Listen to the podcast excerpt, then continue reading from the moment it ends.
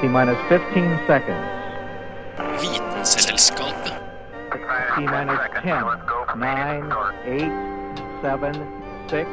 We have main engine start. 4, 3, 2, 1, and liftoff. Vitenselskapet. Vitenselskapet på Radio Nova.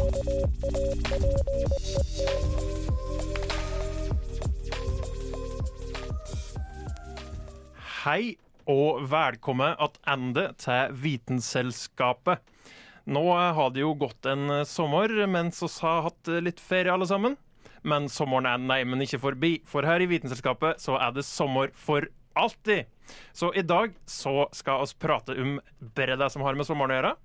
Og oss holder den gode solstemninga på stranda gående. Jeg heter Karl Adams Kvam, som skal lede dere gjennom i dag. Og jeg har med meg fire gode venner her i studio i dag. Ved min venstre side så har jeg ei jente fra Hurum, og hun heter for Julianne Li Fjell. Og ved siden av hun så sitter Kristin Grydland. Og så har oss Dag August Schmedling-dramer. mange navn. Og til slutt så har oss Anna Vik Redseth. Ja, og i dag så kan oss høre om litt av hvert. Er det noen som har en smakebit å by på? Ikter. Ikter? Ja, det er nysgjerrig på hva det er for noe. Er det noen andre som har noe rare stikkord? Jordbær. Merker det, jeg vet det. Ja, så i dag er det både ikter og jordbær. Det er bare å henge med, så skal dere få høre.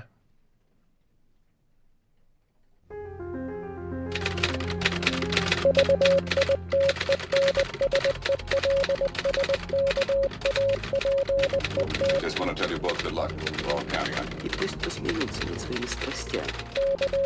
Ведь то, что они называют страстью, на самом деле не душевное, Vitenselskapet а лишь трение между душой и внешним миром. knekker vitenskapens koder. Good job. Julianne, hva tenker du på når jeg sier sommer? Strand og Strand. sol. Strand og sol, det er Bading. klassisk. Ja. Eh, ja. Er det noe med strand og sol du ville prate om i dag, eller har du forberedt deg på noe litt annet? Eh, jeg har jo egentlig det, for jeg har eh, gjort litt eh, research om solkrem. Solkrem, ja, det er Ja. viktig nå på sommeren. Jeg ble litt eh, brent. eh, ja, jeg må innrømme det. Er det noen andre som har svidd seg med den? Ja. Ja, jeg blir alltid brent, uansett hvor godt jeg smører meg. Eh, Men det er ofte sånn flekkvis. Akkurat der hvor eh, jeg trodde at jeg hadde smørt meg, så hadde jeg ikke det. Så det du sier, er at der du ikke har smurt det, så blir du solbrent. OK? Ja, det stemmer. Det er godt å høre at eh, logikken stemmer. Men solkrem, ja. Det, det veit ikke helt hvordan det fungerer. Det er kanskje det du skal forklare nå, Juliane? Litt. Uh, jeg ble inspirert, kan jeg vel si, fordi jeg fikk et litt uh, rart uh, råd av Skal ikke henge personen ut og si hvem, men en person da, i sommer om å bruke kokosnøttolje som solkrem. Og kan vel følge det opp med å si at den personen ble ganske solbrent etterpå. Som, eh, Kokosnøttolje? man skulle trodd. Ja, eh, og det er ikke så rart, faktisk, fordi den første solkremen eh, man har bevis for at noen har brukt, er olivenolje i oldtidens Hellas. Eh, men vi har jo kommet litt lenger enn det nå. Men er, brukte de olje for å beskytte seg mot sola, eller for å bli mer brune? For man har jo sånn sololje som jeg føler er sånn som skal liksom fritere huden, sånn at du skal bli skikkelig, skikkelig brun. Ja, det er jo det på en måte man bruker det for nå, da. Liksom, hvis du skal bli brun, så bruker du sololje. Jeg tror eh, Jeg leste ikke så veldig mye rundt det, men jeg antar at de faktisk brukte det som solkrem. Fordi eh, jeg tror olivenolje har sånn to i solfaktor eller noe sånt, så det er bitte litt eh, bedre enn kanskje ingenting, men det er i hvert fall ikke det beste å bruke nå til dags. Eh, To i solfaktor er faktisk ikke så verst til å være olivenolje, fordi eh, sånn er jeg ikke helt sikker på det her, men solfaktor det betyr at eh, hvis en solfaktor på to, så kan du være i sola dobbelt så lenge. Ja, uten å eh, brenne deg. Men eh, problemet med det er jo også at eh, man tenker ikke over at man svetter, og at man er borti ting. Altså hvis du med en gang har uh, tatt på noe, da, så går jo den solkremen bort, eller oljen, da. Ehm, så du må jo ofte smøre deg oftere enn uh, det du tror, da. Eh, og da kan jeg si til det, det du sa i sted, Kristin, om at du alltid blir brent der som du tror du har smurt deg, så fant noen forskere ut at du må smøre deg to ganger. Eh, selv om du tror at du har smurt deg nok. Fordi de eh, hadde da tatt eh, sånn UV-bilde av, av folk som hadde smurt seg en gang med solkrem. Og det viste seg at de da hadde gått glipp av sånn 20 av arealet sitt. Eller sånn av kroppen, da. Så ba de dem om å smøre seg igjen, og da var det sånn 9% som ikke var smurt. Så du går faktisk glipp av mange deler som du tror du har smurt. Og da var det ofte på toppen av føttene, eh, på toppen av lårene, og så så ryggen, da, så klart. og så føler jeg selv i hvert fall at eh, de, de stedene som jeg blir mest uh, solbrent, er sånn skiller. Fordi du tenker ikke Hvis du har på deg T-skjorte, da, så tenker du at ja, jeg tar bare armene, og så hvis du ikke tar helt opp til skuldrene, da, så blir du liksom solgremt. Mm. Å nei, det, det- jeg må innrømme at eh, du treffer meg midt i hjerterota. Det var T-skjorta som gikk litt lenger ned enn den jeg hadde brukt sist jeg var i sola. Og dæven, det skillet der, det ble ganske rødt. Men hvordan funker det egentlig? Solkrem, altså? Jo, eh, mm, så de solstrålene da, som vi beskytter oss mot, eh, det er jo for det meste eh, solstråler, altså det er UV-stråler da, som, uh, som er fra sola. Uh, og da er det tre typer UV-stråler, UVA, B og C. Eh, type C er de som blir blokket av ozonlaget, så det trenger vi ikke tenke over. Så er det UVA og B, som de beste solkremene beskytter mot begge to. da. Uh, og de er ganske like. Uh, UVB-strålene er de som gjør at du blir solbrent. Uh, men UVA-strålene gir deg farge. Men UVA-strålene kan også ødelegge DNA eh, Hudens DNA. Så over tid da, så kan det gjøre at du blir eh, At du ser eldre ut og får litt mer rynker og sånn, da. Så alt med måte, da, kanskje? Ja. Alt med måte, og gjør det nøye og to ganger helst. Ja. Masse solkrem. Ja, takk for tipset. Da veit oss det neste gang vi skal ut i solsteiken. Vitenselskapet. Vitenselskap. Vitenselskapet. Vitenselskapet. Vitenselskapet. Ja, da veit oss litt om eh, solkrem. Det er jo mye rart en kan forbinde med sommeren. Og ja, du sa et ord i stad, Kristin, som jeg egentlig ikke vet hva er for noe. Ikter? Ikter, ja. Eh, ja, jeg skal fortelle litt om ikter. Eh, men eh, først så kan vi snakke litt om å bade. Det henger sammen, som dere kanskje kan forstå. For det er jo slik at når det er sol og sommer, så vil man jo gjerne også bade. Og da er det noen ganger at det ikke går så veldig bra. At man har det gøy og leker seg ut i vannet, men når du kommer opp, så finner du ut at du er dekka av et rødt utslett. Og jeg er jo oppvokst i Oslo, og da eh, var det hvert eneste år så var det noen som sa sånn Å, dere må ikke bade på Sognsvann. Må ikke bade på Sognsvann, for da får man sånne prikker som klør. Og det stemmer. Eh, Sognsvann er, eh, rapporteres det sånn utslett hvert eneste år.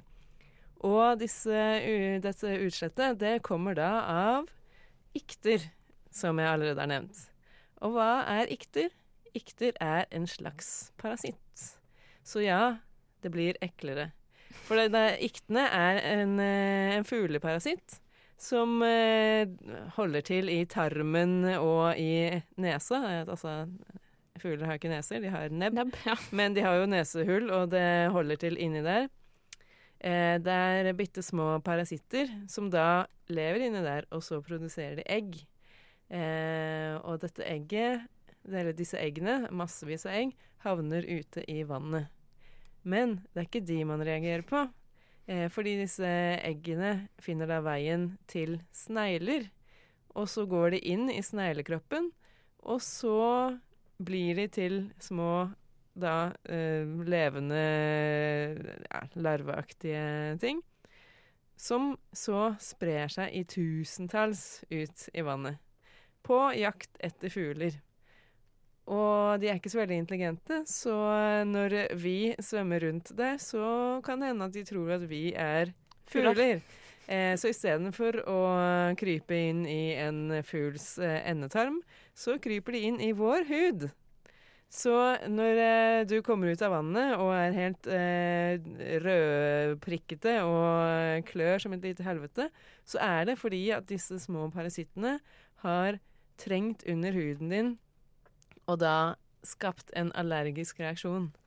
Det er ikke alle som reagerer så veldig kraftig, eh, men jo mer du blir utsatt for det, dvs. Si første badet klør lite grann, andre badet klør enda mer, og så videre og så videre utover sommeren. Så til slutt så blir det jo eh, helt eh, ekstremt. Men er de farlige? Nei, de er ikke farlige. Og de går over av seg selv, for de kan ikke leve i menneskehud. Sånn at de går under huden vår, og så dør de.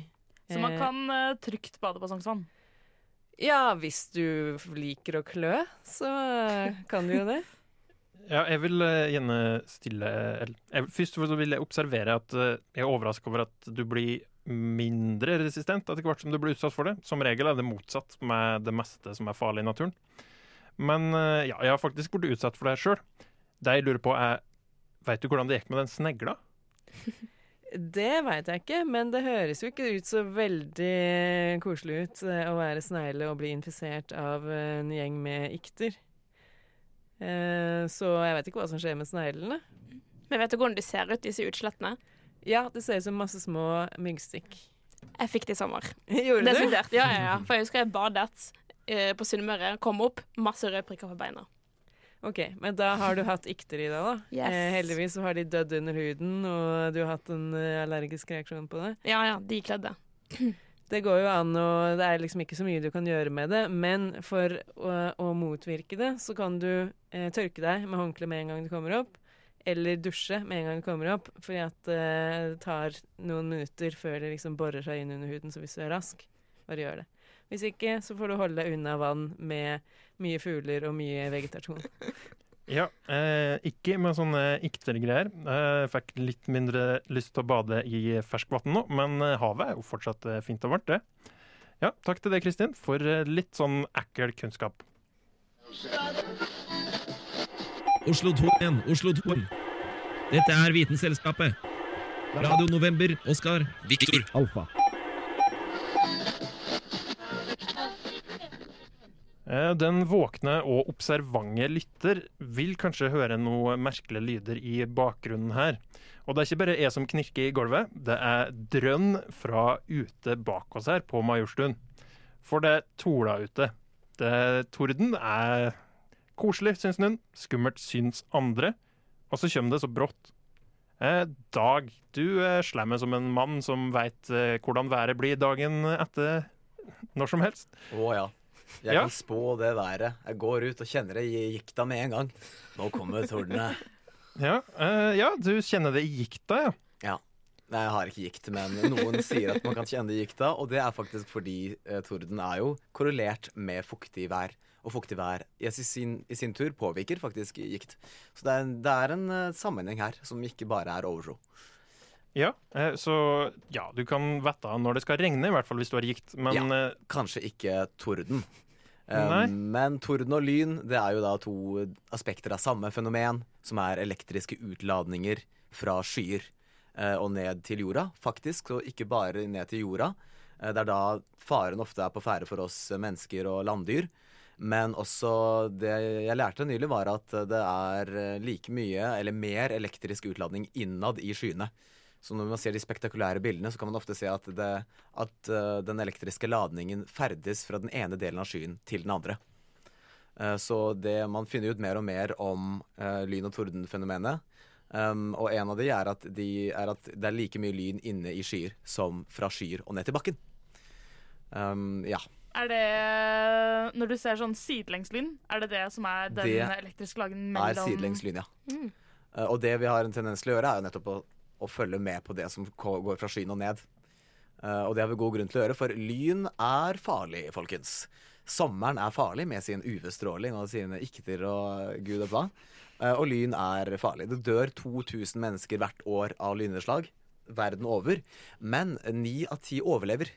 Det betyr ikke at det er anbefalt å bli truffet av lynet, fordi man kan få varige skader og senskader.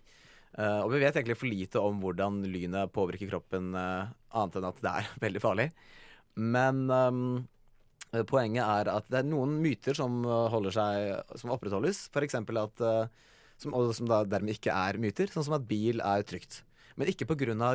Uh, dekkene. Dekkene kan faktisk føre lyn, men rammen rundt, som er av metall, gjør at lynet går forbi våre kropper og ned i jorda.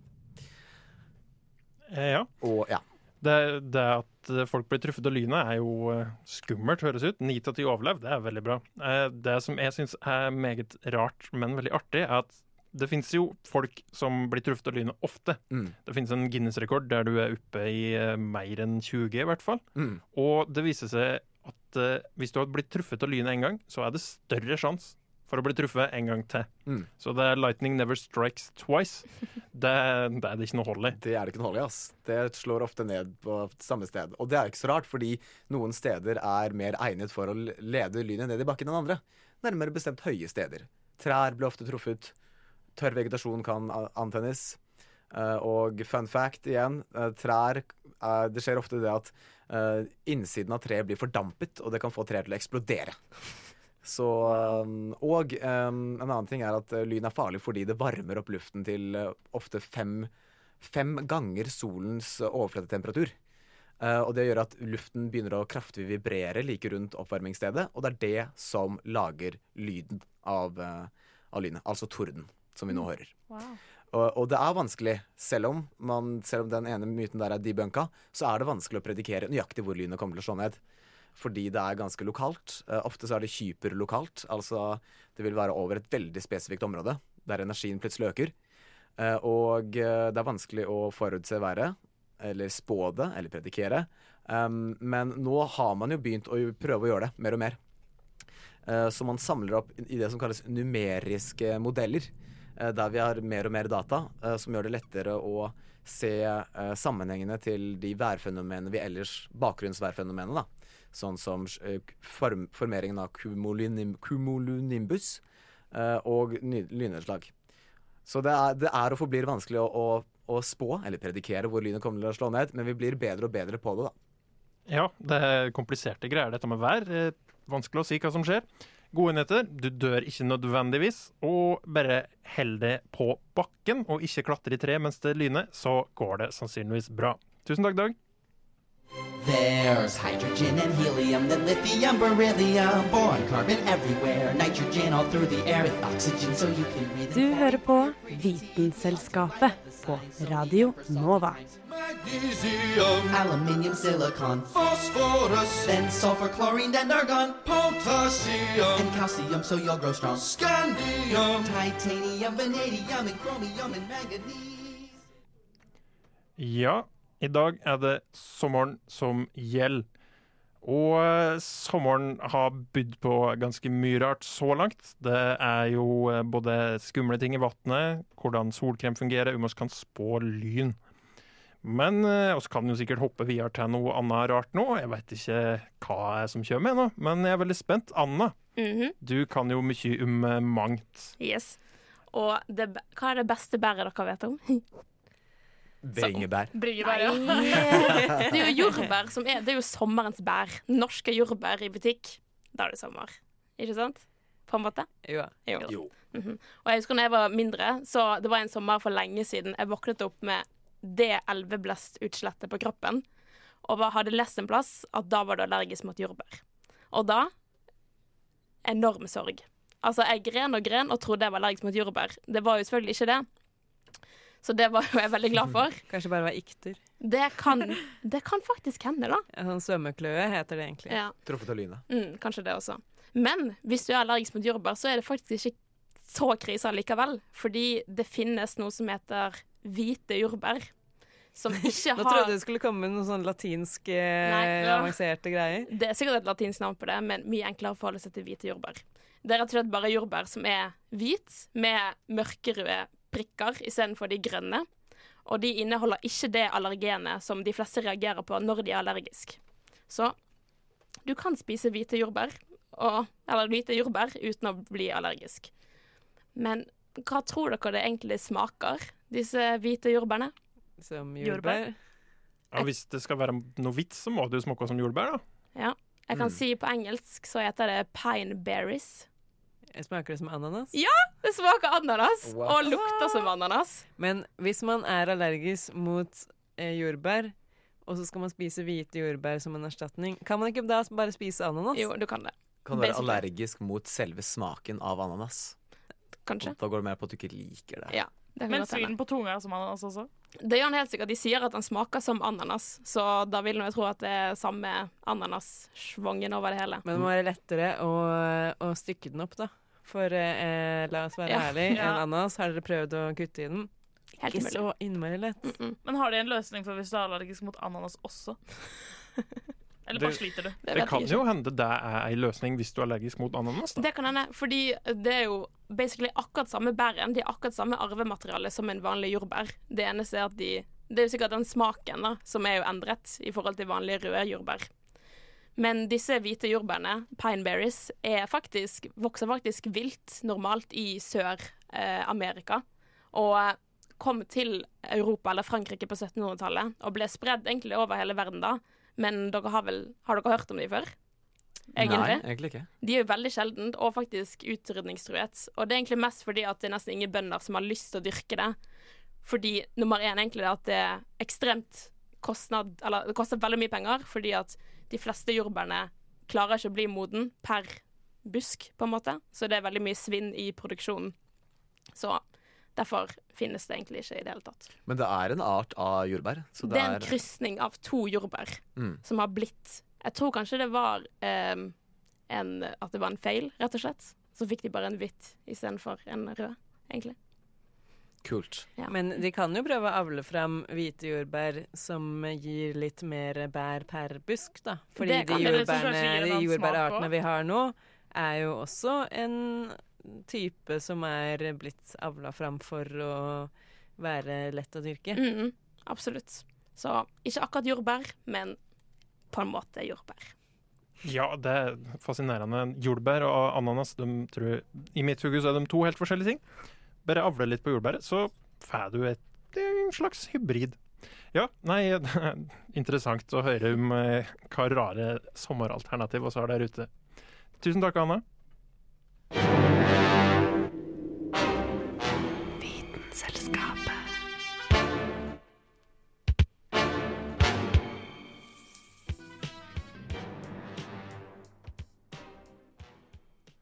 Ja, eh, da er det min tur. Og da vil jeg fortelle deg litt om eh, hva som har skjedd i løpet av sommeren. Kan begynne med det her. Ruspolitikk er jo stadig aktuelt i samfunnsdebatten. Eh, Legalisering av diverse er mer og mer aktuelt. Men eh, i tilknytning til medisin så syns jeg rus, eller rusmiddel som blir nytta av befolkninga som er på feil side av loven, og kombinere det med medisin, det syns jeg er veldig interessant. For eh, her har jeg funnet en studie der eh, de bruker MDMA i eh, samband med, eh, med psykologer og psykiatere for å kurere alkoholisme. Hva er førsteinnskytelsene deres på det? Bytte ut et drug med et annet, Ja, det er det kanskje. Um, Ja, det er helt riktig. Det ser Eh, tvilsomt ut. Jeg så en studie Det, det var bare en overskrift for ikke så lenge siden der det var at eh, der det er lovlig med marihuana, så er det mye større suksessrate med rehab for alkoholisme. Og da så jo jeg bare overskrifta, men jeg tenker det da at OK, da er du ikke alkoholiker, men da kanskje du er en vanerøyker som eh, har problemer med det i stedet. Men eh, det her, da, det er snakk om MDMA, og det er ikke snakk om noen faste doser. Her er det bare snakk om et par omganger for å eh, hjelpe det med psyka. Fordi det som er i den studien her, da, er at eh, det er alkoholikere som eh, blir behandla. Men hypotesa de arbeider ut ifra, er at alkoholikere de er alkoholikere av en grunn. Det er jo et eller annet som har skjedd en gang, sannsynligvis, som ja, gjør at det gjør flaska veldig fristende. Og det kan jo være hva som helst. Men eh, det er ofte noe trauma der. Og det er der MDMA kommer inn i bildet. Jeg vet ikke om dere har noe eh, idé om hva det stoffet er for noe? Det er vel psykoaktivt. Uh, har liksom, litt sånn delvis hallusinogent. Ja, det gir vel ganske sånn uh, dopamin-rush òg, gjør det ikke det? Veldig mye dopamin på en gang. Eh, ja, det stemmer. Eh, så dere har rett på to. Det er et psykadelika, men et veldig mildt et. Det er ikke LSD. Det er ikke sånn at du begynner å se drager og sånn. Eh, og det gjør at du blir veldig glad og ja, følsom, da. Åpen for følelser. Og det som gjør det best egnet til å bruke i terapi, det er det at det selektivt, selektivt skrur av fryktknappen i hjernen. Og å prate om traumer det Alle har sine traumer til en viss grad. Det er jo ikke moro. Det har mye med frykt å gjøre. Når du prater om en ting som har skjedd med deg, som var jævla kjipt, så er det ja, vanskelig. Men hvis du da har tatt MDMA, er veldig godt humør og ikke er redd for å prate om tingen, da kan du komme deg gjennom ganske mye rart eh, fra fortida. Men blir det da som en slags terapi for andre ting også, da? Ikke bare alkoholisme og sånt? Eh, ja, det, er det som er, da, det er i eh, veldig mye eh, Veldig mye forskning på MDMA i eh, samband med terapi om dagen. Og det, det er litt min tolkning, men det er jo ikke alkoholismen som er poenget her. Poenget er traumer. Og eh, det er jo ikke bare å gi hvem som helst en, en pille eller en krystall eller to med MDMA og si OK, gå og tenk på det som har skjedd, så blir alt bra igjen. Fordi eh, det er veldig nøye oppfølging i eh, den eh, studien her, da. Eh, De er fortsatt bare i første fase av studiet, sjekka at det er trygt. De kom fram til at ja, det er forsvarlig å helle på sånn her. De har ikke noe eh, definitive resultater ennå. Empirien må på plass. Men eh, det er veldig interessant, da. Så først så er det et par uker med terapi. Helt vanlig terapi. Du møter psykologen din, prater om problemene dine. Alkohol i det tilfellet her er vel mye prat om. Tredje gangen så får du ei ganske heftig dose med MDMA. Og så er det jo ikke sånn at uh, han sitter, den psykologen, og spør og graver og konfronterer det, fordi det er ikke nødvendigvis den beste ideen med en rusa person.